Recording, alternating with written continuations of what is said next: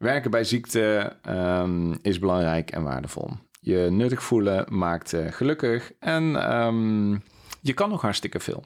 Vandaag ga ik in gesprek met uh, twee gasten. Annelien Oosterbaan, arts bij het UWV en onderzoeker vrouw en Parkinson bij het Radboud Universiteit. En Wendy, freelancer bij uw Regisseur, Q to Walk. En eigen magazine, uh, Geniet van het Leven. Dames, welkom. Leuk dat jullie er zijn. En uh, nou, voor de luisteraars, wat, uh, wat kunnen ze zo direct uh, verwachten? Uh, ja, we, we, hebben verteld uh, over wat werk voor, je, ja, voor je doet. als je iets met passie doet, geeft dat jou heel veel terug. En waardoor het ook veel langer lekkerder met je kan gaan. Je beter in je vel voelt. ja, het gewoon wat voor je, wat voor je doet. Dankjewel, Annelien. Ja, we hebben het gehad over ja, dat, wer dat je werk, uh, als je lang kan blijven werken, dat dat inderdaad gelukkig maakt. Dat de werkgevers meer open moeten staan voor mensen met een chronische ziekte, omdat eigenlijk nog heel lang wel heel veel dingen mogelijk zijn. En dat ja, het onderwerp eigenlijk uit de taboesfeer moet. Um, ja, wij zijn niet in één klap afgeschreven. Wij kunnen nog heel veel en willen ook uh, vaak nog heel veel. En uh, ja, dat met aanpassingen vaak nog heel lang echt een duurzame carrière mogelijk is. En, en voor mensen met Parkinson ja, streef daar ook naar en probeer rechtop te blijven lopen en positief te blijven. Want ja, ja werk is gewoon ook leuk. Waar we het over gehad hebben is ook, weet je, vertel je het of hoe vertel je het bij als je gaat solliciteren en je hebt Parkinson? Um, ja. Hoe ga je, hoe blijf je in gesprek? Uh, als je ten tijde van het dienstverband uh, bent gediagnosticeerd, hoe vertel je het je werkgever, maar hoe, blij, hoe hou je dat gesprek ook open? Maar ook welke afspraken maak je hier bijvoorbeeld over? En als laatste, je bent niet je uitkering. Daar hebben we het ook over gehad. En we, hebben het, uh, we duiken in en eigenlijk het belang van werk voor chronisch zieken. En dat dat dus enorm veel kan geven. En dat je daardoor meer energie kan krijgen. En dat je daardoor ja, nuttig een bijdrage aan de maatschappij levert. Dus luister allemaal naar deze podcast. Wat werk belangrijk maakt, stopt niet bij verzuim en arbeidsongeschiktheid.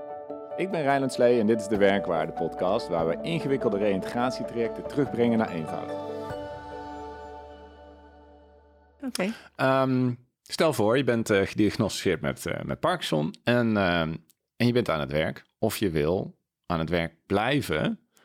Eh, vandaag in de studio onze ambassadeur Wendy en ja. AIOS verzekeringsarts Annelien. Superleuk dat jullie zijn en vandaag springen we met elkaar in de diepte over aan het werken gaan, blijven en lief voor jezelf zijn en dat werkgevers lief voor je moeten zijn. Zeg? Zo is het. Precies. Vertel, wat is jouw uh, verhaal, eh, Annelien? Nou, uh, ja, ik werk dus nu als verzekeringsarts en ik heb hiervoor ook ander werk gedaan. Ik ben eigenlijk gynaecoloog en wat ik heb gemerkt met het werken met een chronische ziekte, of dan in dit geval met Parkinson, is dat het heel fijn is wel als je omgeving op de hoogte is van wat je hebt en daar relaxed mee omgaat. En hoe meer uh, mensen het eigenlijk weten en je dus jezelf kan zijn, relaxed kan zijn, ook met als je een keer ergens last van hebt, dan ga je gewoon veel makkelijker naar je werk en doe je werk gewoon met veel meer plezier. En, maar ja, dat is niet iedereen gegund, heb ik gemerkt. Dat, dat je dat zo open kan bespreken met je werkgever. En dat vind ik jammer. Ja, dat snap ik wel. Want ik denk ook, voordat je het open met iemand anders kan bespreken, is dat je ook wel eigenlijk dat gesprek met jezelf ook al gehad moet hebben, toch? Dat je er zelf helemaal eh, relaxed mee bent, bedoel je dat? Nou ja, helemaal relaxed kan me dat voorstellen dat al wel lastig is. dat maar, lukt, dat lukt niet. Eh, maar dat gesprek met jezelf, daar moet je wel klaar mee zijn, toch? Je moet wel snappen hoe het is voor jou, voordat je het aan andere mensen gaat stellen. Of hoe, wat is jouw ervaring daarmee? Ja, het ligt denk ik aan wat voor een soort werk je doet en hoe belangrijk je fysieke mogelijkheden of... Uh, ja, hoe erg je klachten je in de weg zitten op je werk, uh, of je het heel snel moet vertellen of niet. In mijn geval is natuurlijk ja, als gynaecoloog nogal praktisch werk. En, en van mijn persoonlijk uit ben ik altijd een heel uh, ja, zelfverzekerd, open iemand. En hou ik er, ben ik niet gauw zenuwachtig. En dan is het deze ziekte met het trillen en het ja, dan dus dat mensen het verkeerd kunnen interpreteren als dat je onzeker overkomt, vond ik echt erger dan Hmm. vertellen dat ik Parkinson eh, heb. Maar dat is natuurlijk super persoonlijk. eh. Dus je hebt het in een redelijk vroeg stadium, heb je je werkgever al eh, daarin meegenomen? ja, eigenlijk direct. Ja. Maar mijn nieuwe werkgever niet. Maar dat Ah. komt dadelijk. Wendy, is dat voor jou ook zo? Ja, bij mij is het heel anders. Nou ja, net na de of tenminste bij de diagnose, toen werkte ik wel een paar uurtjes in de week. Eh, en dat was eigenlijk waren gewoon, was gewoon een vriend van onze, eh, van onze familie, zeg maar. Dus dat eh, was heel makkelijk. Ja, daar had je het al gelijk aan verteld. Dus dat, dat, is, dat speelde geen rol. En daarna ben ik eigenlijk als vrijwilliger aan de slag gegaan. En eh, ja, en he- heb ik me ge- gewoon geuit dat ik Parkinson heb. want daar stond ik ook voor. Want ik ging een ontmoetingsplek voor jonge mensen met Parkinson oprichten. Joppa Schoenenhart. En ehm, ja, dan ben je, er, ben je er voor de mensen met Parkinson. Dus je, je moet ook je, eh, jezelf uiten. En Hmm. het, eh, ja, ik, het was voor mij niet eh, echt moeilijk om dat, om dat te doen. Nee. Het was al weer wat verder natuurlijk. Het was al twee, twee jaar of zo na, nadat ik die di- diagnose had gekregen. En dan heb je het een bepaald plekje gegeven. En dan zie je op, de, op internet allemaal mensen die ook actief zijn. Dan denk van nee, dat wil ik ook. Ik wil ook Hmm. nog wat doen. Ik eh, ben nog jong. En eh, mijn, mijn kinderen waren heel erg jong nog toen, toen, mijn, eh, toen ik die diagnose kreeg. Die, waren, die zaten nog allebei op de basisschool. Dus ik, ah, ik had altijd als, als denken van dat ik na, nadat zij wat groter zouden zijn, dat ik weer aan, aan de slag zou gaan. Maar dan krijg je Parkinson. Hmm. En, en, en dan ineens, ja, wat, wat kan ik nu nog? En ja, en toen heb ik het eigenlijk eh, alleen maar klein, elke keer een klein beetje eh, eh, naar me toe getrokken. Of tenminste, ja, iets gaan, gaan doen. En dat is zeg maar steeds verder gaan uitbreiden, waardoor ik nu eigenlijk Hmm. bijna fulltime werk ongeveer. Eh, Heb je in het begin op veel eh, begrip en eh, steun kunnen rekenen van de mensen om je heen? Want ik begrijp dat je niet aan het werk was toen helemaal in het begin, maar... nee, zijn- in het begin, toen woonden we ook nog op een andere plaats. En ja, daar werd net gedaan alsof... Want ik, toen was het nog in de tijd dat ik de kinderen naar school bracht, naar, naar de basisschool. En eh, dan durfden de mensen... Mensen wisten wel dat je die ziekte had, maar ze durfden niks tegen je te zeggen. Net alsof je een, een hele erge ziekte hebt... en dat je binnen, binnen no time eh, er niet meer zou zijn of zo. zo Zo'n indruk eh, kreeg je. Maar toen zijn we verhuisd naar, eh, eh, naar Linschoten, waar ik nu woon. En ehm, eigenlijk, heb- toen hadden we gelijk een eh, feestje bij de, bij de buren. Kerst, eh, of een najaar, nieuwjaarsborrel. En eh, toen hebben we het gelijk gezegd. Oh ja. En eh, sinds die tijd eh, ga ik er heel makkelijk mee om. Eigenlijk Eh, heb ik ook ja, natuurlijk heel veel interviews eh, gehad. En ja, iedereen weet dat ik Parkinson heb. Maar dat, dat houdt me niet tegen om de connecties aan te gaan met allemaal mensen die, die wat voor mij kunnen betekenen. Hmm. Heb je in die eerste fase, zeg maar, bij eigenlijk eh, toen je die diagnose had en, je, en, en, en met, met werk en de mensen om je heen, heb je daar dan een soort problemen ervaren? Nou ja, eerst, eh, eerst werkte ik eh, dus bij, bij een vriend van ons op een bedrijf op de boekhouding. En ehm, dat moest wel elke week af. En dat gaf me niet heel veel, want ik had geen connecties of verder Hmm. daarmee. Ik was puur met cijfertjes bezig. En Nee. Toen op een gegeven moment, eh, toen kreeg ik daar last van. En dan was ik in het weekend was ik echt helemaal afgepeigerd. En hoeveel uurtjes werkte je dan? Eh, iets van, maar iets van eh, zes à acht uurtjes per week. Mhm. Ehm, en als ik nu zie wat ik nu allemaal doe, daardoor, ja, nu doe ik iets wat ik heel erg leuk vind en waar, ik- waar ik heel mijn passie in kwijt kan. Ja. En, en iets kan betekenen voor mijn lotgenoten. En daardoor kan ik nu heel veel werken. Maar dat was toen, toen nog niet zo. Eh, toen eh, had ik dat nog niet, dat Nee, kringetje. nee. Ehm, ja, dat, dat Want- werkte toen gewoon niet. Want had je toen een, een dienstverband van een bepaalde tijd of zo? Dat, hoe is dat afgelopen toen? Ehm, eh, ja, nee, dat- dat, dat was gewoon... eh, ja, ik kreeg daar gewoon per uur betaald. eh, ja, het was gewoon een... Oh, je was freelance. eh. ja, als freelance eh, ja. eigenlijk. Ja, eigenlijk viel ik onder, de, onder, eh, de, de- onder het bedrijf van mijn man. Hm. eh, ben ik daar aan het. Oh, eh, dus ja, het had ook niet zoveel zin om, om mij af te laten keuren. Maar ik, ik was ook nog niet, niet zo. Nou ja. ik was wel heel erg moe dan in het weekend. Maar daarnaast was ik toen wel mijn vrijwilligers, als vrijwilliger al begonnen met Job en Schoenen Hmm. En daar merkte ik dat ik daar wel veel meer, eh, meer in kwijt kon. En toen ik dat had laten vallen, dat, eh, dat andere bedrijf, eh, merkte ik ook dat het steeds iets beter ging. Ehm, dus ik, heb er ook nooit bij nagedacht om, om af te laten keuren. Want ja, het waren ook maar een paar uurtjes per week. Dan Ja. hou je er ook weinig van over, denk ik. Dat is interessant.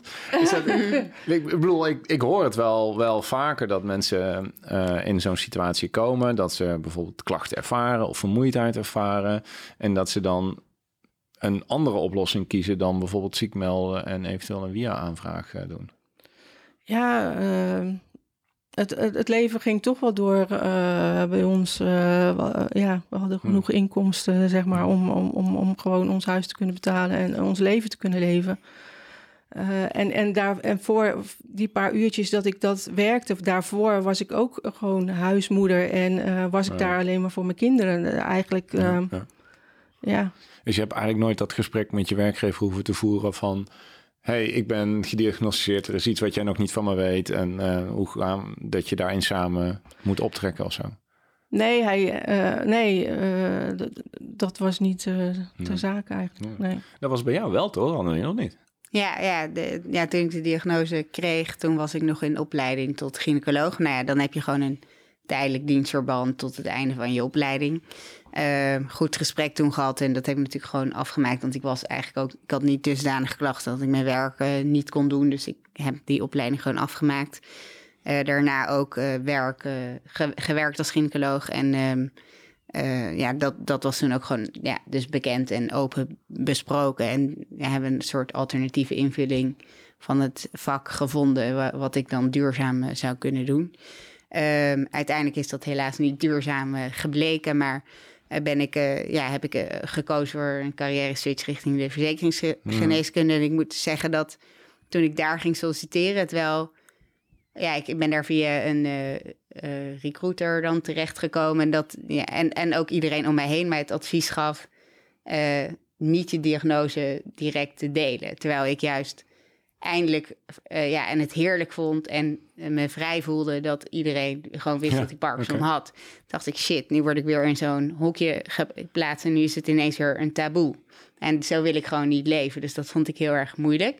Hmm. Maar ik dacht, ja, als iedereen omheen het adviseert, oké. Zal het wel iets betekenen? Eh, Ja, ik zal het volgen, maar niet lang. Ik heb ook direct gezegd, ik, ik- prima, maar dit ga ik wel vertellen, want ik vind dat niet, eh, ook niet fair. Maar ik dacht, oké, ik ga daar beginnen en dan kunnen ze gewoon zien hoe, goed, hoe, ja, hoe ik mijn werk doe. Ik kan het werk ook neutraal uitproberen en dan, als het van beide kanten klikt, ja, bedoel, het maakt mij geen mindere dokter, dan ga ik het dan wel delen. En zo is het gegaan. En uiteindelijk ben ik daar ook wel weer blij om. eh, omdat nou, ja, toen ik het eenmaal vertelde, dat ze zeiden: Oh, maar ze waren zo tevreden. En eh, Ja. eh, we hadden die anders ook aangenomen, zei ze toen. En toen, vanaf dat moment was ik echt zo opgelucht. En het gaat nu, ja, ze steunen me in alles. En ik ben gewoon heel dankbaar dat ik zo'n werkgever heb gevonden. Ja. Ja, want voor de, voor de volledigheid, jij bent in opleiding tot verzekeringsarts, toch? ja. Ja, Ja. dus solliciteren als arts bij het UWV, dat is niet de gemiddelde werkgever, maar dat is... Bedoel, weten zij dan over dit systematiek en hoe je hiermee om moet gaan dan meer dan de gemiddelde werkgever, denk je? Ja, dat weet ik dus nog niet. Ik ben benieuwd, want ik, ik werk gewoon eh, volledig. En ik heb nog helemaal geen eh, aanpassing in werk of uitval of wat dan ook. Ik heb, eh, ja, dus gewoon, ik heb een dienstverband voor onbepaalde tijd gekregen... zonder dat er überhaupt nog gesproken is over mijn diagnose... wat ik fantastisch vind... Ehm, maar ja, ik, de toekomst gaat leren. Ik, eh, Hmm. ik ga er dus vanuit dat zij eh, voor inclusiviteit staan en eh, mij zullen steunen en dat ik daar nog heel erg lang kan werken. maar ja, de- ja ik ga ervan uit dat dat goed moet komen. Dat zij, als het ergens kan, dat het bij het UWV kan. Ja. Nou ja, volgens mij wil je het heel graag. Wat is voor jou daarin eh, een soort die drijvende kracht om dit te doen?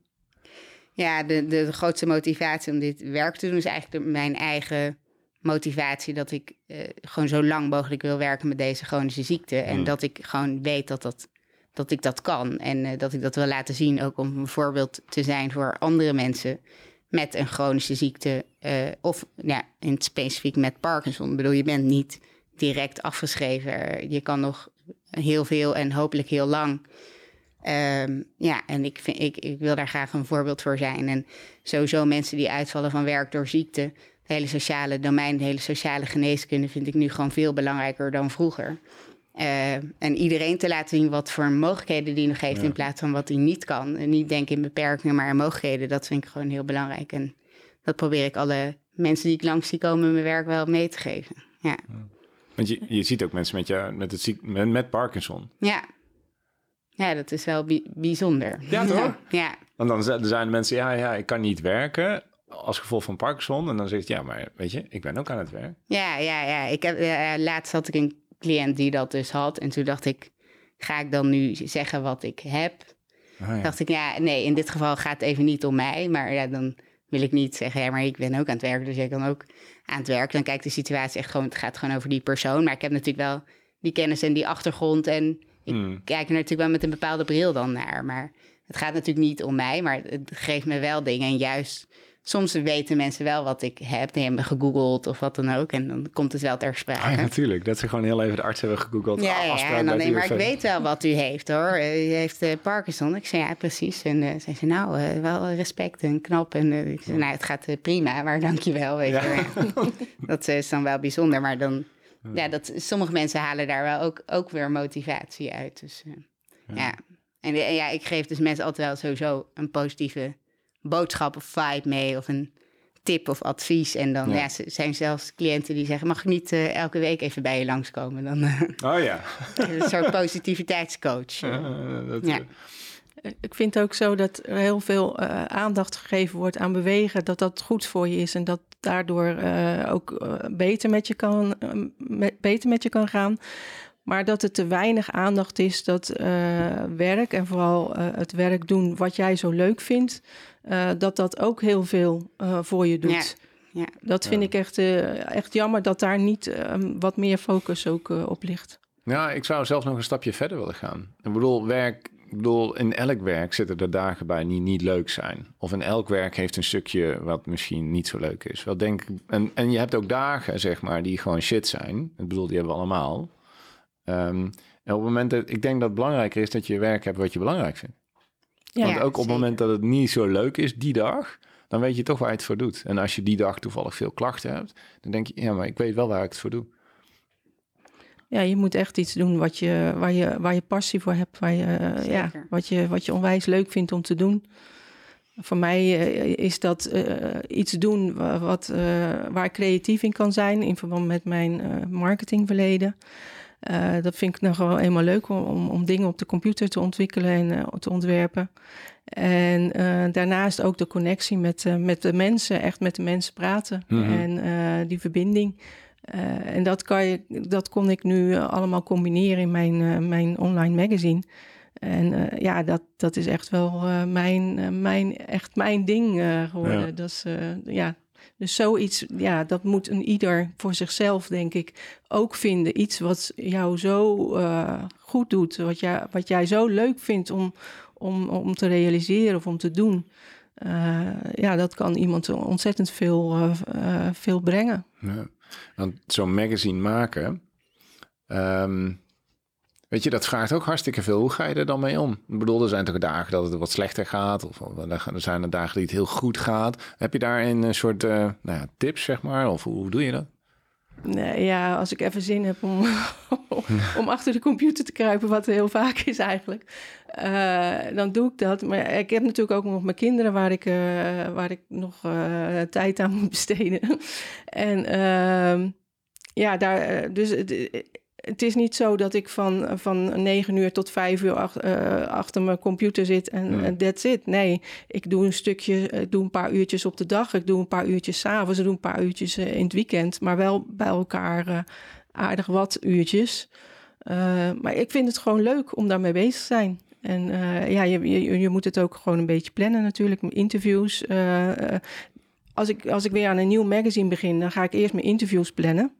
Dan heb ik dat alvast. Dan uh, de alle afspraken plannen. En als ik de afspraken heb gehad, eh, dan pas daarna ga ik het dan uitwerken. En ja, en, en dan, dan komt het allemaal vanzelf eigenlijk.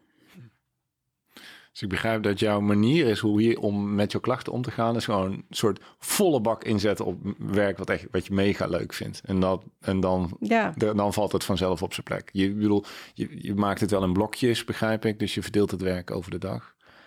Ja, het is niet echt dat ik daarbij stilsta van wanneer ik doe ik wat. Ja. Maar ik ga me niet vastnagelen dat ik een hele dag eh, dat moet doen. Want ik, ik moet ook bewegen een keer. Dat gebeurt niet heel... eh nou, zou ook iets meer moeten. Eh, maar goed, eh, eh, ja, ik weet nooit hoe de dag eh, gaat komen. Eh, meestal ga ik 's morgens wel alvast, eh, achter, als, als mijn kinderen uit huis zijn, eh, alvast achter de computer zitten. En een aantal uren zit ik dan achter de computer. Ehm, ja, en dan komen mijn kinderen weer, of ik moet nog iets doen, of ik heb een afspraak. Ja, dat, ja het is heel verschillend. Ja, Ja. dan kan ik eigenlijk, ik, ik- ja, eh, ik, ik heb niet echt een agenda zo van, eh, ik, elke week is anders. Want het ligt ook aan de afspraak of je ergens naartoe moet. Ehm, Hoe stel je dan je deadlines voor je magazine?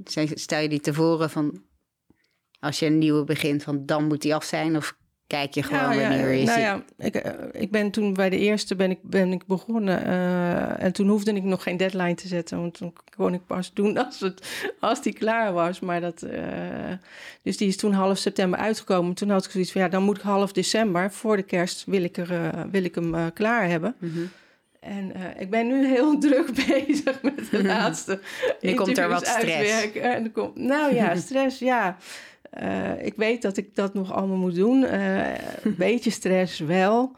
Maar niet dat, dat ik daardoor inklap. Nee, dan ga ik juist Leuk, eh, ook leuk. gouden tegenaan. En eh, ik, ik heb alle, alle spullen wel in huis, zeg maar. Weet je wel. Eh, ik, de, de interviews heb ik gedaan, alleen moet het even uitgewerkt worden. Ja. Dus, ja, nee, dat, eh, ja, dat geeft mij gewoon heel veel. eh, ja, ik vind dat ook, ook enorm leuk dat je, dat je iets maakt. Eh, ja, wat blijvend is. Ehm, ik kan dit, deze tijdschriften later ook weer aan mijn kinderen. eh, ja, ja, mijn kinderen kunnen dat als, eh, als iets bewaren, als iets wat, wat, wat ik heb, heb gedaan. En, en, ik, en ik merk gewoon dat, dat mijn lotgenoten het een heel erg mooi vinden om die verhalen te lezen. Dus je doet het ook voor, ja, voor je lotgenoten, voor ja, de verbinding met elkaar. Hm, daar gaat het om, hè? Ja. Volgens mij doe jij naast je werk ook nog een hele hoop, toch? Niet? Ja, dat, is ook, ook werk. ik heb twee keer werk. Eén dag in de week werk ik voor het Radboud eh, UMC als artsonderzoeker. En dan, ja, dan doe ik ook eigenlijk iets voor mede-lotgenoten, maar dan dus eh, vrouwen, vrouwen met Parkinson. Eh, een beetje egoïstisch, want ik ben zelf een vrouw, dus ik onderzoek mijzelf. Eigenlijk mijn eigen doelgroep. Ik ben mijn eigen doelgroep. Ik ben ook vaak mijn eigen proefpersoon. Het gaat over eh, hormonale schommelingen en de invloed daarvan op de ziekte van Parkinson. En ik heb zelf dus uitgeprobeerd mijn eigen theorieën. Eh, het effect van een Mirena-spiraaltje bijvoorbeeld op de klachten en de schommelingen. Nu ben ik aan de pil continu om te kijken of dat inderdaad werkt wat ik dacht. En dat, dat werkt bij mij goed. ik heb een zwangerschap uitgeprobeerd ook. Nee, nee dat, dat was niet echt All in the name of science. ja, ja, alles voor de wetenschap. Eh, nee, dat, dat was wel op zich eh, spannend en eh, dat is allemaal goed afgelopen. En dat zijn wel de onderwerpen waar ik onderzoek naar doe. En dat geeft me ook echt ontzettend veel energie, want ja, je doet... Je, ja, je gaat niet zitten wachten en met zo'n ziekte dat je er niks voor doet. Maar het, het is nu ook gewoon mijn werk geworden. En eigenlijk mijn eigen ervaring heb ik omgezet in een subsidieaanvraag en een onderzoeksaanvraag. En dat is nu gewoon mijn baan erbij. Dat vind ik echt wel vet. Ja. Ja, dat wel. En als dat, waar, waar doe je dat voor? Want als het klaar is, wat, wat is er dan? Ja, dan is dus de zorg voor vrouwen met Parkinson verbeterd. Dan is er dus inzicht in dat er eh, effect is van hormonale schommelingen, de cyclus, de overgang, de zwangerschap op Hmm. de klachten. Daar is helemaal niks nog over geschreven, maar dat is gewoon echt eh, aan de hand. En vervolgens kunnen we dan eh, therapieën of ideeën voor hoe we dat gaan oplossen eh, uittesten. En als we dat hebben gevonden, dan eh, ja, is de zorg voor vrouwen dus gewoon verbeterd. En dat is natuurlijk een mooie streef. Z- Zou dat dan ook kunnen betekenen dat vrouwen met Parkinson, nou ja, als je hier die stappen verder in het onderzoek bent, dat dat misschien, weet je, dat dat beter kan? Of dat dat langer kan of beter inzetbaar is? Of, eh, Wat vrouwen met Parkinson? Als vrouw, als ik het goed begrijp, dan zeg je nu, nou, er is tussen mannen met Parkinson en vrouwen met Parkinson. Daar, Verschil. Ja, er zou verschil moeten zijn, alleen in de behandeling is dat dan niet zo of onvoldoende nog? Ja. ja. Kan het dan betekenen dat uh, in de toekomst uh, wellicht dat de inzetbaarheid van vrouwen met Parkinson beter zou kunnen worden als, als daar meer, meer, uh, ja, meer, in, in, meer over bekend is? Zeker, de, de, de, zorg kan gewoon beter. Vrouwen hebben ook andere zorgbehoeften. Ik heb uh, afgelopen jaar een paper geschreven met uh, zes dames in de wereld, over de wereld. Drie neurologen en drie ook vrouwen met Parkinson, waarvan één huisarts is en één diëtist en ik dan als gynaecoloog. achtergrond en over de, ja, dus de, de, de, de behoeften van vrouwen met Parkinson die niet wordt ingevuld. Dus hmm alle gaten in onderzoek, kennishiaten, uh, alle controversiële dingen die er worden gezegd in literatuur, dan is het wel, dan is het niet. Er is gewoon eigenlijk zo weinig bekend. Dus daar opperen we ook uh, adviezen voor onderzoek in de toekomst en uh, zorgadviezen. Van vrouwen veel meer last van bijvoorbeeld psychosociale consequenties van de ziekte dan van bijvoorbeeld motorische klachten, als een tremor of een hmm. maskergelaat. Ik bedoel, en vrouwen hebben vaak een last van een lager zelfbeeld of dat ze zich minder gehoord of gesteund voelen. Seksuele problemen, soms uh, moeite met intimiteit. Maar dat zijn allemaal onderwerpen die veel te weinig worden besproken in de spreekkamer. Eigenlijk bijna niet. ik bedoel, seksualiteit wordt sowieso nauwelijks besproken. En dat soort, ja, daar wil ik gewoon aandacht voor vragen. Zeker met mijn achtergrond als hmm. gynaecoloog, maar ook als jonge vrouw vind ik dat heel belangrijk. Ja. ja. dus als ik dat voor elkaar krijg, dan ben ik al heel, heel blij. Het onderwerp leeft in ieder geval al. Dat vind ik wel vet. Ja. Nee, ik zag het inderdaad ook op LinkedIn voorbij komen. Ja. Dus dat is hartstikke gaaf. Ja. Heb je nog... Ehm, ja, want je doet dit een, met enorm veel passie. En volgens mij ben je voor heel veel mensen een voorbeeld. Ook hoe je, uh, ondanks klachten en met klachten, um, aan het werk kan zijn. Heb je nog allemaal tips voor, uh, voor mensen die uh, misschien in een enigszins vergelijkbaar pakket zitten? Ja, dus doe vooral, dus ja, dat zei jij natuurlijk ook al net van Wendy. Uh, doe vooral iets wat je leuk vindt, waar je energie van krijgt, waar je niet te gestrest van raakt. Uiteindelijk vind ik het uniek dat ik fulltime werk met vier kinderen. En uh, dat gewoon prima doe, omdat ik gewoon echt werk doe waar ik uh, ja, het nut van inzie. waar ik heel veel belang aan hecht en waar ik gewoon heel veel energie uit haal. Dus dan, dan, dan gaat dat dus kennelijk nog gewoon. En denk het belangrijkste is je, je mindset, je attitude en dat je niet laat wegzetten. Ik bedoel, uh, wij kunnen nog heel veel. Uh, je, je bent niet direct afgeschreven als je ziekte van Parkinson hebt. En dat moet je ook gewoon voelen. Rechtop blijven lopen, kopje omhoog en, uh, en niet opgeven. Ja. Merk je dat ook als jij, uh, Wendy, als jij mensen gaat interviewen voor je blad? Ja, ik heb een paar leuke, hele leuke mensen geïnterviewd voor mijn komende blad. Uh, nou ja, onder andere Theo van Neerven, uiteraard. Ja. Uh, de oprichter van Uw Verzuimregisseur. Uh, is een heel mooi interview ook geworden. Ehm, ja, zo hebben we nog een aantal andere mensen geïnterviewd. Maar daar merk je heel erg dat, dat ze het heel mooi vinden... dat ze iets anders gevonden hebben naar een diagnose... waar ze, waar, waar ze mee aan de slag kunnen. Bijvoorbeeld heb ik ook Marjan Overdiep en Dominique Prins Keunig geïnterviewd over yoga... Uh, wat dat uh, met hun doet, maar ook uh, yoga voor Parkinson groot brengen. dat is echt, ja, daar halen ze zoveel uit. En zij zijn, vinden ze zo mooi dat ze dat, ze dat hebben kunnen re realiseren. En waar, waar, ze nog steeds heel druk mee aan de slag zijn. Um, ja, de mensen die, die ondernemend bezig zijn, die halen er toch, ja, die, die, die halen er heel veel uit en die krijgen heel veel energie terug, positieve energie terug. Uh, waardoor ze door kunnen blijven gaan. Jullie hebben eigenlijk alle twee met de ervaring die jullie hebben, een soort, heeft de ziekte een uh, soort misschien koerscorrectie of zo? Dus jullie hebben dat geïntegreerd in mhm. je werk, toch? Je was ja. gynaecoloog, nu ben je arts bij het UWV, maar je doet ook onderzoek naar Parkinson bij vrouwen. En jij hebt altijd in marketing en communicatie gewerkt. Ja. Um, en nu heb je een, een blad voor en door mensen met Parkinson. Ja, ik heb dat nooit eerder, voor mijn diagnose heb ik nooit geïnterviewd, maar omdat ik zelf al interviews uh, had, uh, ja, had gekregen om over mijn uh, diagnose of over Parkinson te praten. Um, en ja, en toen op een gegeven moment ging ik voor de Parkinson Magazine, ehm, had ik twee pagina's voor jonge mensen met Parkinson. En toen ben ik op een gegeven moment ook mensen gaan interviewen. Zo heb ik ook Anita Matthijssen geïnterviewd en Annelien. En uh, ik zat met het interview en ik kon dat op dat moment niet kwijt. En ik, en ik, ik wilde er iets mee. En ik was toevallig, had ik dit jaar mijn eigen freelance organisatie opgericht... om te kijken of ik zelf nog werk kon doen. En ik zat al met het idee van, ja, wat kan ik nu eens gaan doen dit jaar? Waar kan ik mee aan de slag? En um, toen op een gegeven moment, toen dacht ik met dat interview met Annelien, denk ik van, ja, dat is zo mooi. Dat, dat kan ik niet weg laten gaan. Hm. Dat vond ik echt onwijs, uh, onwijs prachtig. En, uh, en, toen kwam het idee van uh, waarom, waarom maak ik niet mijn eigen magazine? Dus ik, uh, ik had al sinds kort wat ervaring in Canva, een programma op, op de computer. ik denk, nou, ik ga daar gewoon mee, mee knoeien. En toen nog wat mensen gevraagd. Ik ken, ken iemand, die, dat is dan weer een vrouw van, een, van iemand met Parkinson en die is journalist.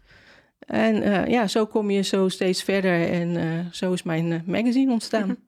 Vind ik wel echt super lief. Ja, dat, ja het is eigenlijk echt gekomen door Dat ik soort uh, de basis ben van, van het magazine. Dat jij daar nu zo gelukkig van wordt. Dat vind ik dan wel prachtig. Ja, ik hoorde dan ook op bijvoorbeeld Parkinson op Maatcongres... dat de mensen er gewoon echt naar mij toe kwamen.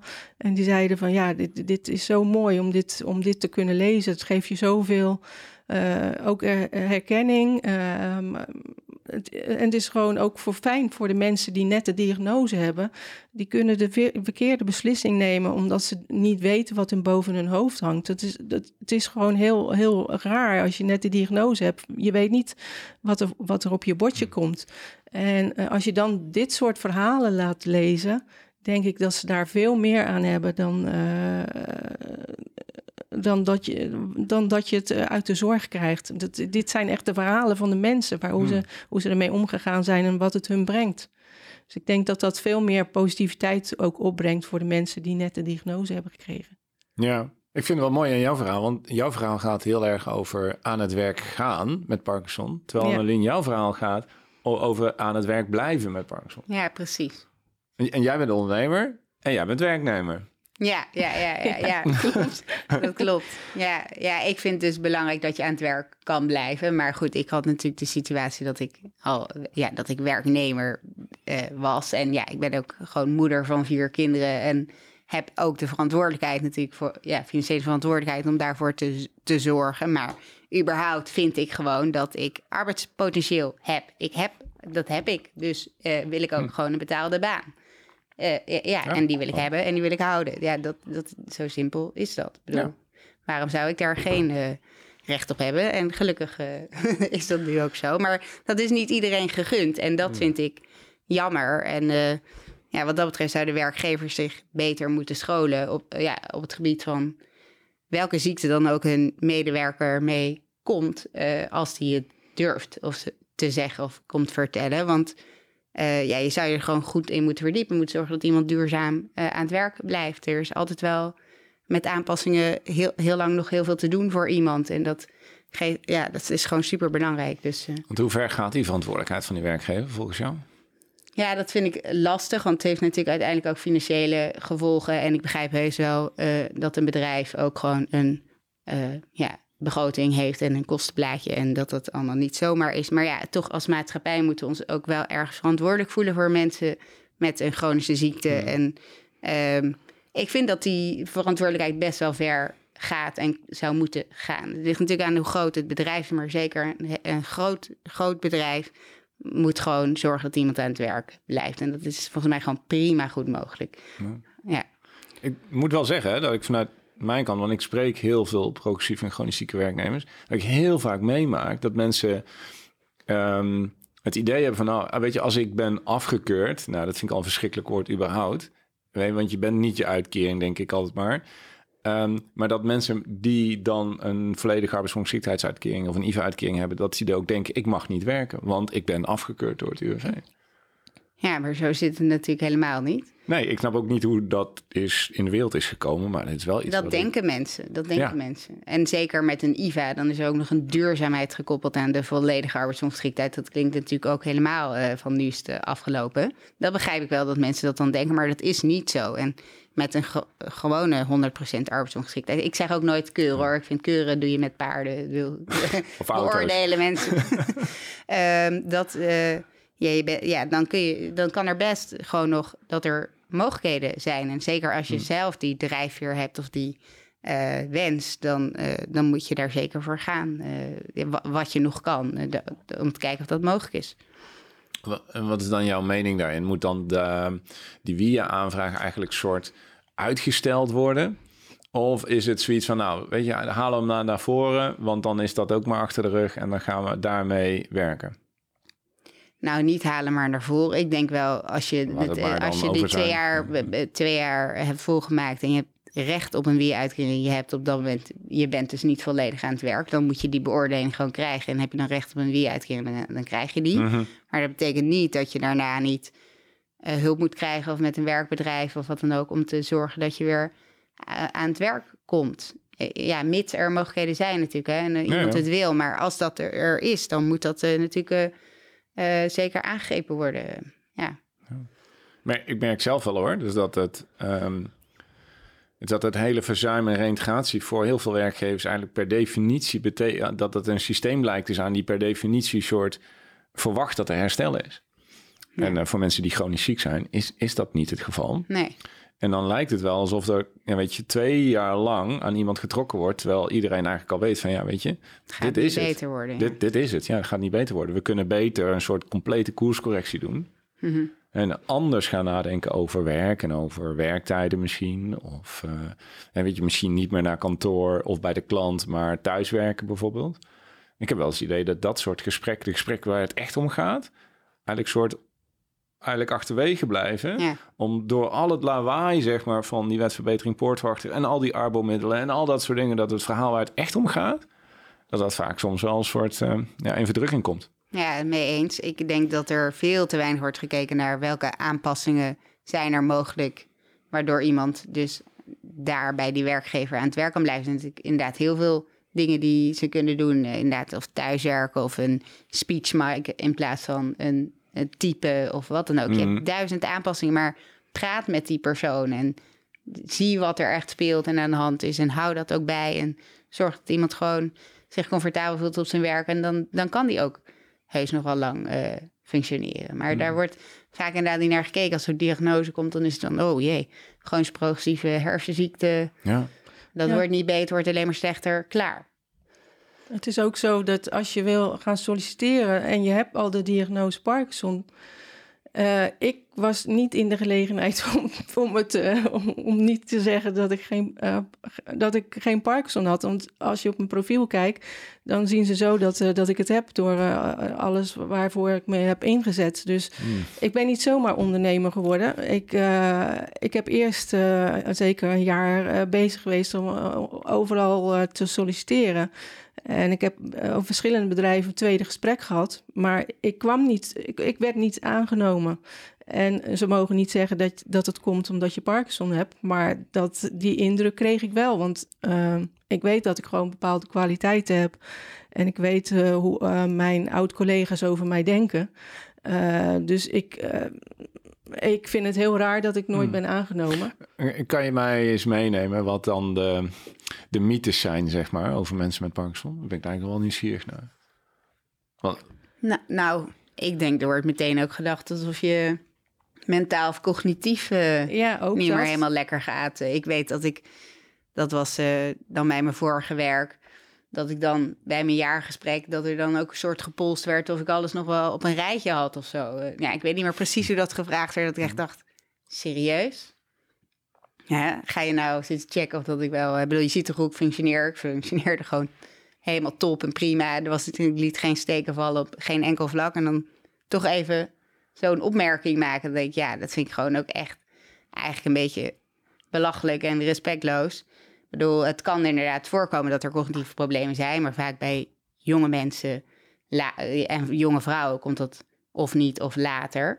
eh, ja, daarvan uitgaan of zo. Ja, als je het uit interesse en heel vriendelijk vraagt, dan is dat ook goed. Of als je merkt Hmm. dat er problemen zijn, het moet natuurlijk wel op de tafel kunnen liggen. Maar als het helemaal niet aan de hand is, ja, dan voel je, ja, dat, ik vond dat heel. eh, Kwam heel- een beetje out of the blue soort eh, Ja. van eh, een soort t- testje of zo. Ja, of je nog nou, wel ik- goed kon herinneren. Ik denk, die heeft ook eens wat gelezen van, oh, het geeft eh, motorische, niet motorische, het kan dat, oh, even, even aftikken. Ja, nee, ik vond dat heel naar eigenlijk. In plaats van gewoon te vragen hoe gaat het met je. Ja. Ik merkte het ook bij het eerste gesprek. was een heel leuk gesprek, heel enthousiast. En dan had je een tweede gesprek. En dan was er gewoon iets gebeurd binnen dat bedrijf. Dat merkte je gewoon. De sfeer was heel anders. eh, hoe, ze, hoe ze overkwamen wer- werd ineens heel anders. Eh, en bij één bedrijf eh, zat er nog iemand bij. En gingen ze het ineens over je Parkinson hebben. En wat je dan zelf verwachtte van hoe lang het nog, nog goed zou gaan. Of waar je problemen mee had. Nou ja, maar wat is dan beter? Dat die, die ene die dan zich anders gedraagt en niet bespreekbaar maakt, of, dat, of die werkgever die het wel bespreekbaar maakt? Ja, maar je werd op, op zo'n manier een beetje aangevallen. En ondanks dat ik, dat ik gewoon antwoorden heb gegeven, wat ik Mhm. eigenlijk niet hoef te doen, omdat, eh, Nee, omdat ze het over mijn ziekte hebben. Ehm, denk, eh, toen dacht ik bij mezelf, ja, waarom nodig je me dan nog uit voor een tweede gesprek? Ja, het klopt eigenlijk allebei niet. Maar ik Nee. vind eerlijkheid in zo'n geval wel, zou ik misschien prettiger vinden dan dat het een eh onbesproken onderwerp is en dat jij achteraf wel denkt, daar ligt het aan. Nou, ik vind dat wel een goed punt hoor. Kijk, want als ik nu heel even kijk naar de traditionele verzuimbegeleiding Arbo en je gaat naar de bedrijfsarts en weet je, je moet je werkgever soort dwingen om tot aanpassingen van het werk te komen. Nou, weet je, eh, eerlijk gezegd geloof ik daar niet zo heel erg veel in. Ja. Ik bedoel, ik ben zelf arbeidskundige, dus ik geef dan, ik adviseer over die aanpassingen. En dan zie ik daar toch, op het moment dat je werkgevers of werknemers moet dwingen eigenlijk om een aanpassing te doen, waar niemand op zit te wachten, is dat je eigenlijk te laat bent. Dus ik, ik voel er wel wat voor om, eh, om vroegtijdig het gesprek samen aan te gaan. En ook, ja, weet je, als mensen niet willen aanpassen, dan wordt het echt een hele moeilijke. Ja.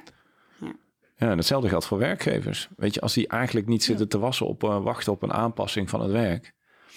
Weet je, andere werktijden, andere auto. Weet je, je kan het zo gek niet bedenken. Als die daar niet op zitten te wachten, want ah, weet je, als het voor jou tien anderen is, ja, dan, Dan werkt het ook niet. dan gaat het. Ja, dan kan je het misschien ook maar in een sollicitatiegesprek maar meteen duidelijk hebben. Want dan weet je dat het in de toekomst ook niet gaat werken. Nee, precies. Nee, nee, ik, ik had zo bij mezelf, ik moet gewoon dicht bij mezelf blijven. En eh, waar mijn krachten nu liggen, dat is eh, de dingen vertellen over, de, ziek- ja, over mij met Parkinson. En de, de zijn voor lotgenoten. En, in in die kring ben ik, eh, ben ik toen eh, verder gaan zoeken. En nou, zo, zijn, zo is uw verzuimregisseur bij Hmm. mij eh, aangeklopt. En zo is Q to Walk bij mij aangeklopt. En eh, ja, zo, zo heb ik nu mijn, eh, mijn freelance eh, opdrachtjes eh, gekregen. Gewoon puur door je te uiten via social Hmm. media, waar je voor staat en waar je, wat je kan. En ehm, ja, en dan komen de mensen vanzelf naar je toe. Hmm. En dan denk ik van nou, dat is makkelijker als dat ik elke keer naar een sollicitatiegesprek moet en voor een tweede gesprek wordt uitgenodigd. En ik denk van ja, ik, ben, ik Hmm. heb hem misschien. En dan word je weer teleurgesteld dat het niet doorgaat.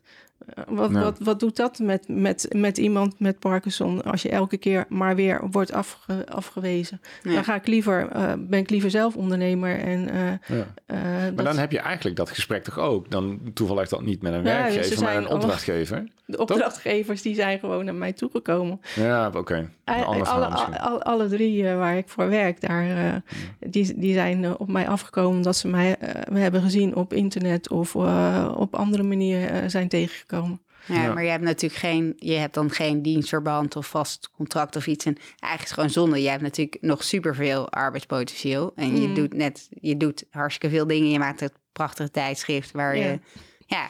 Ja, maar dat, dat, is dus liefdewerk, toch? Dat, daar krijg je niks voor. Nee, ja, ik hoop dat er ooit is.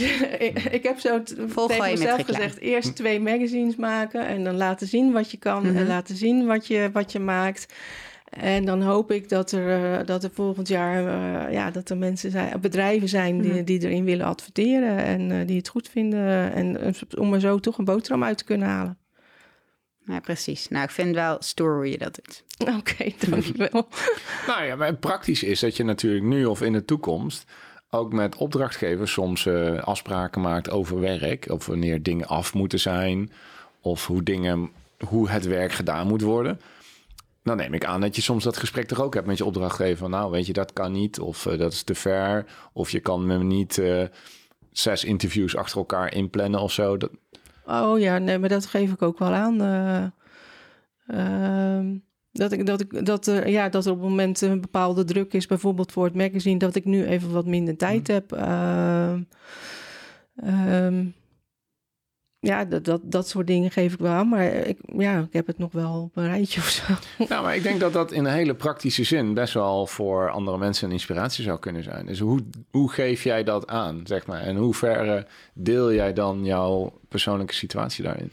Nou ja, dat is bij mij altijd zo van. eh, eh, dat is eigenlijk altijd. Zo ben ik eigenlijk gewoon altijd eh, uit mezelf. Van ik wil, altijd alles eh, aanpakken. En dan op een gegeven moment denk ik: oh, nou is het te veel. En eh, dan geef ik wel aan van. nou, nou lukt het even niet meer om er nog iets bij te krijgen. Want nu, nu, nu zit ik echt vol. Ja. En, en dan, dan, dan moet ik echt wel eventjes... eh, ja, als ik dat zeg, dan, eh, dan betekent het ook wel dat ik echt heel erg vol zit. Ja. En stel nou eens voor eens dat je een keer een, een afspraak hebt toegezegd of een deadline hebt toegezegd of nou, dat is iets misschien lang geleden toegezegd. En nu zit het even tegen, want er is iets gebeurd, zijn omstandigheden zijn gewijzigd en het, weet je, je merkt gewoon dat het eigenlijk dat het niet goed voor je gezondheid is, dat het niet, niet past op dat moment. Hoe, hoe ga je daarmee om? Nou, als het dan echt, als het echt eventjes mis met mij zou gaan, zeg maar, dan, eh, dan zou ik dat gewoon aangeven. Gewoon telefoon pakken en zeggen. Ja, telefoon of eh, ja, Ja, hoe ik met ja. iemand communiceer. Ja. En bij jou, Wandelin? Nou ja, je moet wel je grenzen bewaken. Nou, doe ik altijd al heel veel. Deed ik altijd heel veel. Doe ik nog steeds heel veel. Maar eh, ja, soms merk ik ook wel dat eh, alle ballen in de lucht, dat ik er, ja, als ik er bijna een laat vallen, dan eh, pak ik de agenda en dan ga ik schrappen wat op dat moment niet echt per se moet. Want eh, als ik merk dat ik echt er gestrest van raak, eh, als ik mijn belangrijkste werkzaamheden niet, als het niet, dat niet afkrijg, dan, dan, ja, dan krijg ik ook direct meer last van mijn Parkinson. Dus dat moet ik niet hebben. Dus dan ga ik gewoon kritisch schrappen. Eerst de sociale dingen, dan de werkgerelateerde dingen die niet essentieel zijn. En dan, eh, ja, en zo. En dan, eh, ja, dan ben ik weer eh, zen. Ja, dus jij doet eerst de sociale dingen, Wendy, en jij? Nee, de- eh, nou ja, sociale dingen, eh, als, als daar mijn kinderen ook onder vallen, ja, die, die- dat, Nee, nee, nee. nee. dan wordt het een beetje problematisch. Maar nee, als ik het echt nu, nu, nu ook, ook zo druk heb, dan ga ik niet eh, even gezellig met, eh, met een vriend of vriendin Nee, nee, eh, nee. iets afspreken. Nee, nee, nee, nee, dat ga ik niet doen. Ja, dat kan natuurlijk voor korte termijn, maar op lange termijn is dat, Ja. natuurlijk, dat, is dat levensgevaarlijk. Om ook alle leuke Ja, dat is sociale tijdelijk. activiteiten. Ja, ik heb nu Ja. echt zo van, nou, na 15 december, dan, heb- dan neem ik weer eventjes de rust. Mm. En dan eh, komt het Mm. wel weer. Hey, Annelien, hoe stem jij nou af met je collega's? Als die nou weer met een of andere, een of andere werkcommissie komen... of een plannetje daar of eh, een comitéetje voor eh, geen idee wat. Dat je gewoon zegt, nou sorry jongens, dat gaan we niet doen. Ik doe niet mee. Ehm, ik ben niet zo goed in nee zeggen. Het woord nee staat eigenlijk niet in mijn woordenboek. Ehm, ik, ik zeg eigenlijk niet zo gauw nee. Ja, dat is, dat is eigenlijk wel eh, is altijd mijn probleem geweest. Dus eh, ja, dan zeg ik vaak toch wel ja. Hmm. Eh, heb ik wel de laatste tijd ergens nee op gezegd? Nee, ik ben, ja, ik ben eigenlijk nee, vaak wel enthousiast en ik kan eigenlijk wel veel tegelijk aan. Maar er komt natuurlijk een moment dat dat misschien niet meer zo is. En dan zal ik het woord nee moeten leren. Ik krijg een beetje de indruk dat, dat jij gewoon meegaat met je collega's, niet onderdoet van andere mensen en dat dit niet een heel groot onderwerp van gesprek is. Nee, nee, nee. Want eh, nou, nu zeg ik vaak nee. Ik, eh, nee, ik, de- ik denk dat ik juist vanuit mijn vorige werk gewend ben om echt idioot hard te werken. Waardoor ik dus echt heel, ja, ik kan denk ik wel gewoon een hoge workload aan. En in mijn huidige werk is die gewoon wel wat lager. Eh, ligt het werktempo ook wat lager in het algemeen. Dus dan denk ik ja, dat ik eerder sneller ben dan langzamer ben. En dan kan ik best wel lang, denk ik, daarop nog eh, teren. Ja. Ja. Oké. Ja. Aan het werk gaan, aan het werk blijven. Wat zijn jullie tips? Ja, doe iets wat je leuk vindt. Dan komt het vanzelf. eh, en kijk om je heen. En eh, ja, eh, sluit je ergens aan of zo. Eh, eh. Maar eh, eerlijk zijn, willen solliciteren of niet? Ik zou gewoon eerlijk zijn, want uh, ja, wat, wat koop je ervoor als je, het, uh, als je, als je aangenomen wordt en uh, daarna vervelend tegen je gaan doen omdat je de ziekte van Parkinson hebt en je hebt het niet gezegd? Ja, maar dan moet je ook het wel het verhaal zeggen wat het betekent, toch? Want anders gaan werkgevers alleen maar googelen en dan komen ze Mhm. met het meest... Ja, wat het voor de persoon zelf, zelf betekent, denk ik. Ja. Waar je last van hebt. Dus Ja. werk doen wat je leuk vindt, bij solliciteren eerlijk zijn, maar ook meteen het verhaal vertellen hoe het, Voor eh, jou wat, wat het praktisch is in dagelijkse handelen en gedragingen. Dus niet eh, Ja. helemaal medisch en zo, maar gewoon, weet je, Nee, ja, Ja. precies. Alleen eh, pff, dat ze af en toe eens eventjes rust moeten... Nou ja, als je, als je even rust nodig hebt... dat ze daar dan ook eh, eh, je de gelegenheid voor geeft, hm, denk ik. ja, Annelien? Ja, ik zou, ik zou het gewoon iedereen gunnen dat hij een werkgever heeft zoals ik het nu heb gevonden. Ik heb, voordat ik dit had gevonden, erover gelezen. En dan droomde ik erover. Ik vind het gewoon... Het, ik zou het gewoon iedereen gunnen dat hij er open over kan spreken op zijn werk. Dat hij beoordeeld wordt op zijn kunnen en niet op eh, de diagnose die, die iemand heeft toevallig. Eh, en Ja. ja. dat er wordt gekeken naar gewoon die persoon, wat die kan op dat moment. En dat het ook ja, dat er normaal mee om wordt gegaan, zodat je dus ook in je kracht staat en het beste kan functioneren. En aan de mensen met Par dat is dan voor de werkgever, maar aan de mensen met Parkinson zelf, ja, dus inderdaad, doe vooral iets wat je leuk vindt. Ja, hopelijk kan je er open over zijn op je werk en ben dat ook. Schaam je vooral niet. Eh, Ik bedoel, wij zijn niks minder dan andere mensen en eh, ja, dat moet je vooral ook laten, kunnen blijven laten zien. Ja. Ja, en nog eh, tips, zeg maar, of, of soort veel voorkomende zaken waar je denkt, nou, als je dat, denk daar eens aan, weet je, werktijden, werkplek. eh, Nou ja, blijf vooral bewegen. Ga tijdens het werk af en toe even lekker een rondje buiten wandelen. Mhm. Ja, als het, eh, als het lukt in je werk. Zorg gewoon dat je ook die ontspanning vindt tijdens je werk. Ehm, ja, ik heb wel eens een moment dat ik denk... shit, mijn hand is echt nu even niet... eh, die is behoorlijk aan het trillen. Ehm, dan heb ik mijn medicatie net te laat genomen. Of ik ben net even... Of soms weet je ook niet waarom het dan even niet lekker zit. En dan denk ik, oké, deur dicht. Even relax wat lezen, wat ik toch moet lezen. Even geen collega's in de, hmm. omheen. En dan eh, weet ik dat het daarna weer rustig wordt. En dan, eh, dan ga ik weer sociaal doen. En, eh, ja, en typen en wat ik dan moet doen. Dus wees ook creatief in hoe je je dag indeelt. Je kan er best wel een beetje omheen rekening houden met wanneer je een afspraak eh, met je medicatie, wanneer je dan een afspraak plant wat spannend is, of een afspraak die belangrijk is. Dat je gewoon. Ik, ja, ik doe dat om een piekmoment. Zeg maar. Mhm. nou, dan zit ik er lekker in. eh, in ja, dan, dan, eh, dan heb, heb ik gewoon, ben ik gewoon symptoomvrij. En dan zit ik er ook het meest ontspannen in. ja. Ja, een soort strategisch eh, omgaan met je medicatiegebruik. ja dat doe ik wel. en, en, en een deur die dicht kan. Ja, precies, precies. Ja, dat doe ik ook voor het sport hoor. Ik bedoel, ik hockey nog steeds best wel hoog niveau. Er gaat altijd een extra shotje dopamine in voor dat ik ga sporten. Dat ik gewoon zeker weet dat ik gewoon goed en strak dat veld ophobbel. En dan eh, voel ik me ook gewoon beter. Ja. Maar goed, En bewegen, zei je ook, hè? bewegen, bewegen, Dus, bewegen. dus ehm, en met bewegen moet ik dan denken aan een soort hoog-laag bureau met een, met een een of andere bureaufiets? Of is gewoon af en toe... dat zou ik eh, wel top vinden trouwens. Ja, Dat zou ik wel top vinden. Nee, ja, ik beweeg, ik sport eigenlijk elke dag. Maar dat is misschien een beetje overdreven. Maar naar je kunnen zorgen dat je elke dag in ieder geval of wandelt of iets beweegt binnen je mogelijkheden. Zodat je niet verstijft en dat je gewoon zorgt dat je de ziekte een beetje... Of vertraagt. Ja, we, we denken dat je het er iets mee kan vertragen. In ieder geval je fysieke mogelijkheden wat eh, verbetert. Dus Hmm. En en praktische nog. ehm, even kijken. Vijf halve dagen werken of ehm, twee volle dagen? en vijf Wat- volle dagen. Vijf volle dagen. ja. Maar wat, wat denk je dat voor de meeste mensen passend is? De spreiding van de uren over de week of gewoon twee dagen vlammen en dan, eh, en dan uitrusten? Oeh, dan, nou, dan denk ik dat vijf halve dagen het relaxed zou zijn. Hm. ja ik. ik ben dan liever voor een gewoon ondernemer zijn. Of tenminste, dat je vanuit huis kan werken. wat je- Dat je zelf je uurtjes kan bepalen. Maar dat is je, ook wat jij doet eigenlijk. Ja, want jij verspreidt die uurtjes ook. Jij, Ja. jij, zij doet, jij Ja. doet niet twee, een hele dag. Nee, ik doe niet de hele dag. Nee, nee.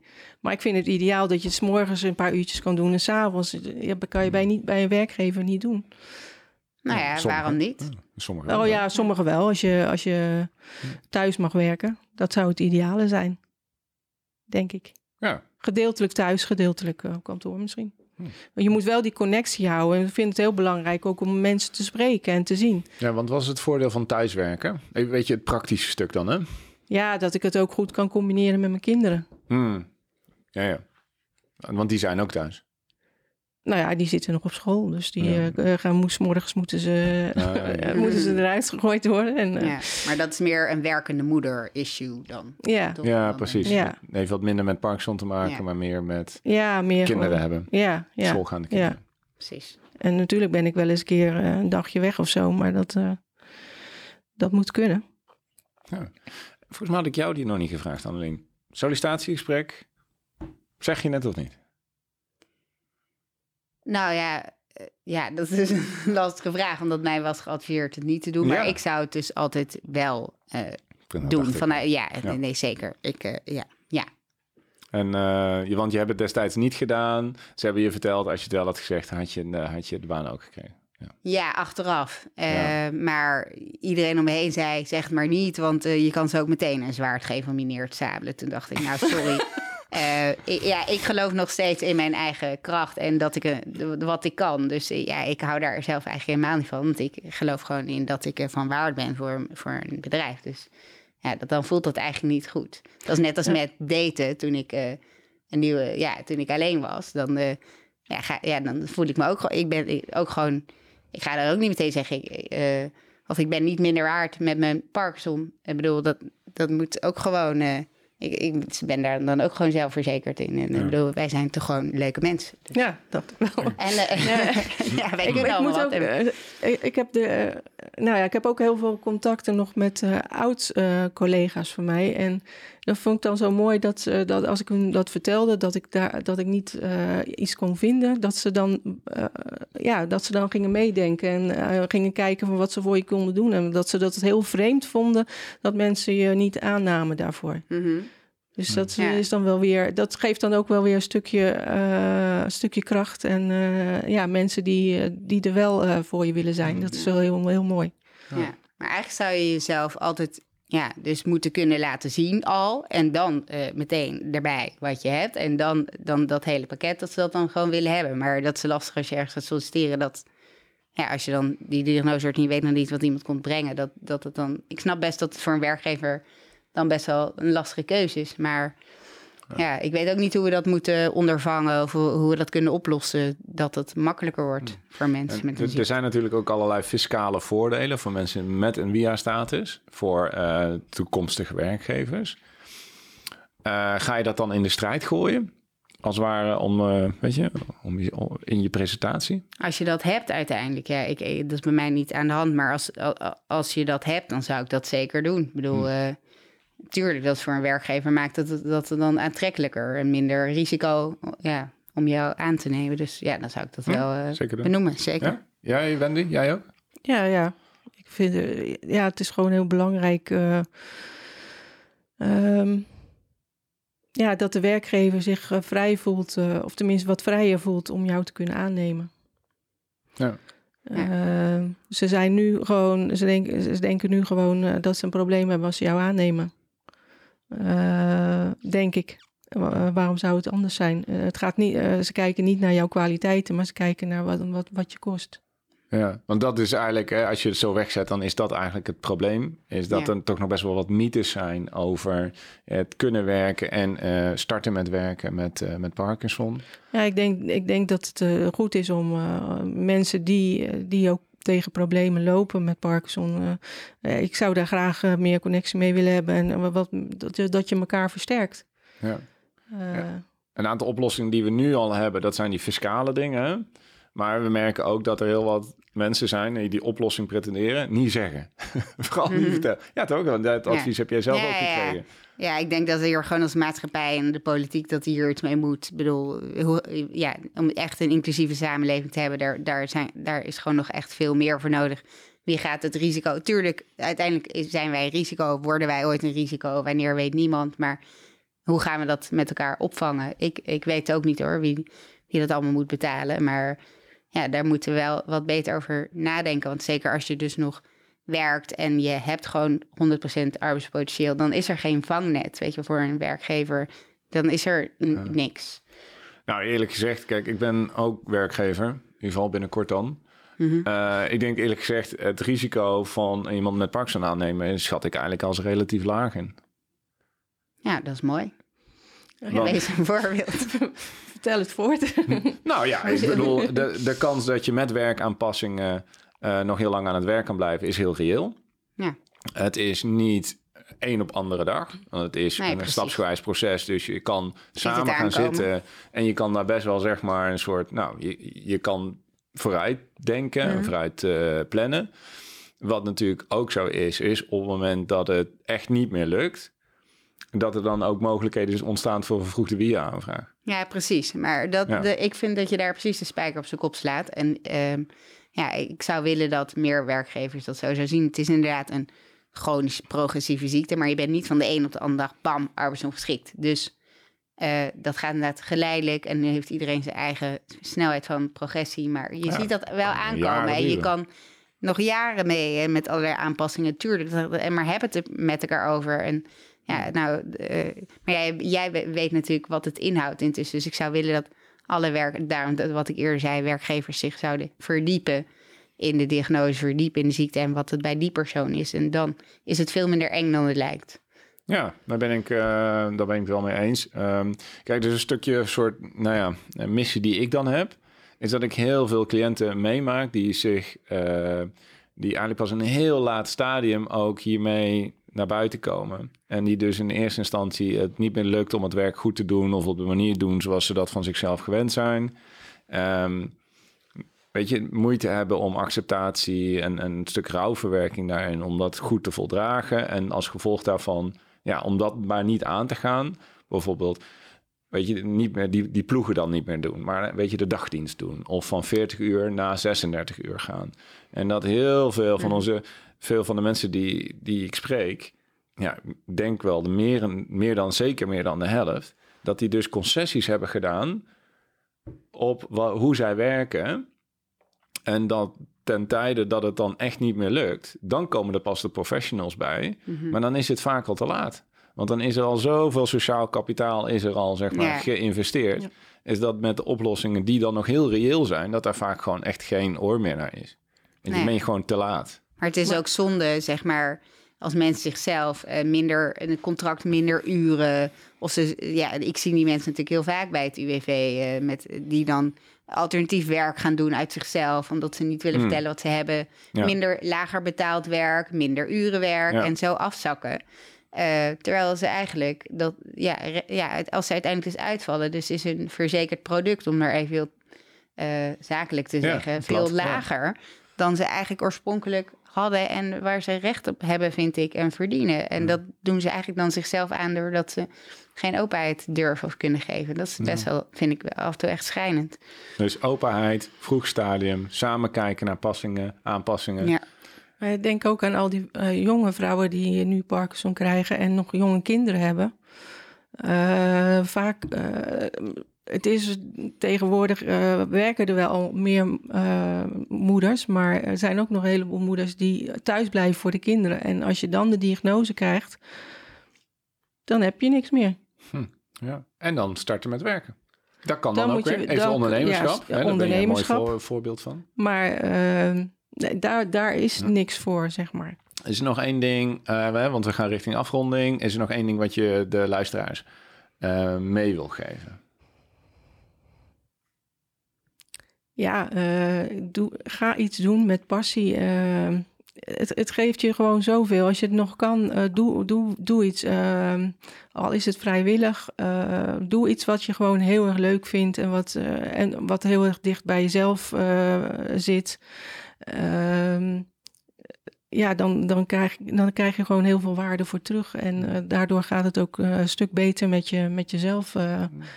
Ik heb het zelf ook gemerkt dat, ik de, dat het nu steeds, steeds beter met mij gaat eigenlijk. Want ik doe steeds meer, meer, meer. En ik krijg er alleen maar meer en meer energie van. eh, terwijl ik eh drieënhalf jaar geleden gewoon veel meer moe was. Eh, blijf, niet, blijf niet op de bank zitten. Ga alsjeblieft wat doen. Iets leuks doen. En dat uh, jouw magazine, dat is jouw, eigenlijk jouw ontdekkingstocht ook zelf. Ja. Waar kunnen mensen die vinden? Ehm, mijn magazine kun je vinden op issue.com. Issue is i s u.com uh, slash geniet van het leven. En dan uh, zie je mijn profielfoto en daaronder scroll je naar beneden en daar heb je, heb je de magazine en nog wat edities staan. Ja, dankjewel. Hey Annelien, jij was ook nog bezig met onderzoek. Zoek je nog, zoek je nog gegadigden? Zeker, uh, alleen nog tot eind december. Alle vrouwen in Nederland onder de 60 met de ziekte van Parkinson... die uh, kunnen meedoen aan mijn vragenlijstonderzoek naar uh, vrouwen Parkinson. En dat kan via wilanka.capelle.radboudimc.nl. of je kan ons googlen, je kan ons wel vinden. Het kan ook via mij. Um, en ja, wat ik hoop dat we vandaag hebben bereikt... is dat dit onderwerp in ieder geval een beetje uit de taboesfeer mm. komt het uh, onderwerp Parkinson en werk gewoon belangrijk is. Uh, de openheid. En uh, ja, wat aan het begin zei, wees een beetje lief voor mensen met Parkinson. Ik bedoel, dan functioneren wij het best. Beste. Ja. Mooie afsluiten. Dank jullie wel voor, voor deze mooie podcast.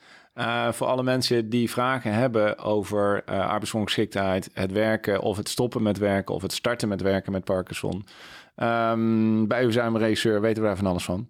Dus uh, neem heel even contact uh, met ons op. Dankjewel voor het luisteren en uh, hopelijk tot de volgende podcast. Dit was de Werkwaarde podcast. Abonneer, deel en reageer via je favoriete podcastplatform om de podcast te ondersteunen.